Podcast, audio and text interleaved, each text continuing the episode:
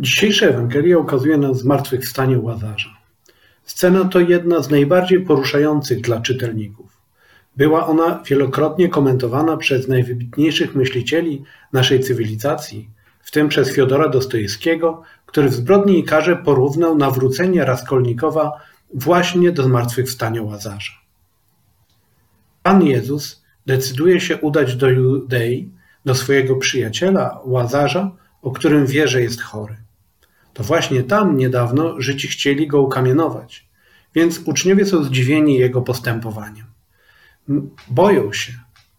Niemniej jednak Tomasz apostoł, choć przekonany, że ta wyprawa może się dla wszystkich niech źle skończyć, zachęca innych.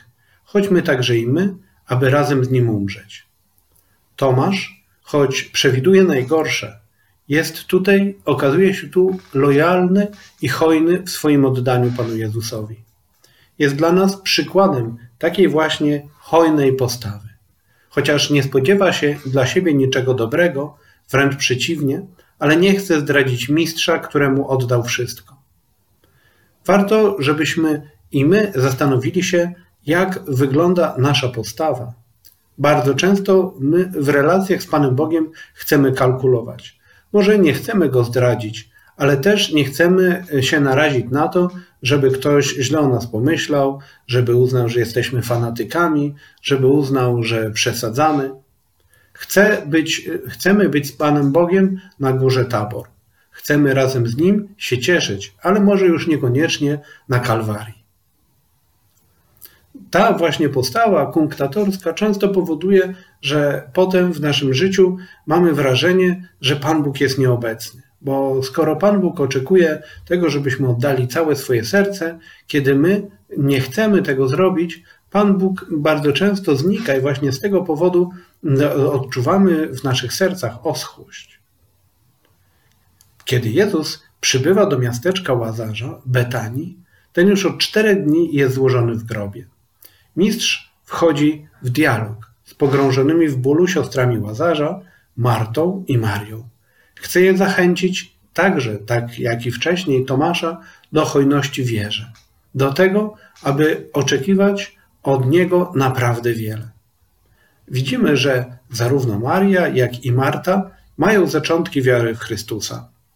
Marta stwierdza: Ja mocno wierzę, że Ty jesteś Mesjasz, syn Boży, który miał przyjść na świat. Niemniej jednak Jezus oczekuje wiary jeszcze większej, jeszcze bardziej hojnej. Nie tylko przekonania, że jest Mesjaszem, ale też tego, że rzeczywiście już teraz może dokonać cudu, już teraz może wejść w nasze życie całkowicie realnie. Nie tylko zmieniać swoim słowem duszę, ale też zmienić całkiem realnie bieg dziejów tej rodziny.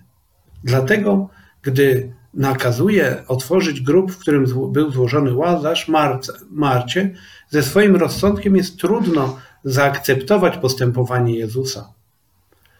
Już cuchnie, mówi. Tak jakby te fakty materialne, naturalne mogły być silniejsze od, od mocy zbawczej Pana Jezusa. I dlatego właśnie Pan Jezus chce, żeby jej wiara była bardziej hojna, bardziej oddana i mówi do niej: Czyż nie powiedziałem ci, że jeśli uwierzysz, ujrzysz, ujrzysz chwałę Bożą? I dokonuje w tak niezwykły sposób cudu przywrócenia do życia Łazarza. Również i ta część tej historii o Łazarzu zachęca nas do hojności w relacjach z Panem Bogiem. Niejako do tego, aby umieć oczekiwać od Niego rzeczy po ludzku niemożliwych.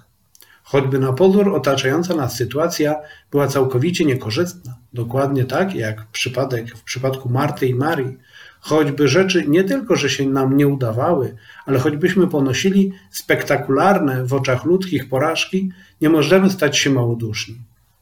Dziś, tak samo jak i dawniej, Bóg dokonuje rzeczywiście cynu, czy dokonuje rzeczywiście cudów, ale oczekuje od nas odwagi i hojności. W tym momencie nasuwa się nam też inny fragment Ewangelii, najbardziej klasyczny, ten, który w sposób najbardziej oczywisty mówi o hojności, kiedy Jezus zwraca się ze słowem pełnym miłości do bogatego młodzieńca. Bogaty młodzieniec nie był osobą złą. starał się spełniać przykazania Boże od wczesnej młodości. A jednak w jego życiu Pan Jezus nie może odegrać takiej roli, jaką odegrał w sercach Tomasza, Marty czy Marii. Nie potrafi odpowiedzieć z hojnością, nie, nie potrafi zaryzykować, nie potrafi do końca zaufać miłości Pana Jezusa i kończy się to tym, że nie jest w stanie odpowiedzieć w pełni na wezwanie, jakie Pan przed nim stawia. Jest to też dla nas dobra okazja, aby zastanowić się nad nami. Czy jesteśmy rzeczywiście właśnie w stanie być takimi osobami, które całkowicie oddają swoje serca, które się nie lękają, które potrafią oddać wszystko to, co mają, które są gotowe na to, żeby wyjść z, tego, ze z kręgu swoich przyzwyczajeń i z, cał, z całą siłą podążać za Panem Jezusem.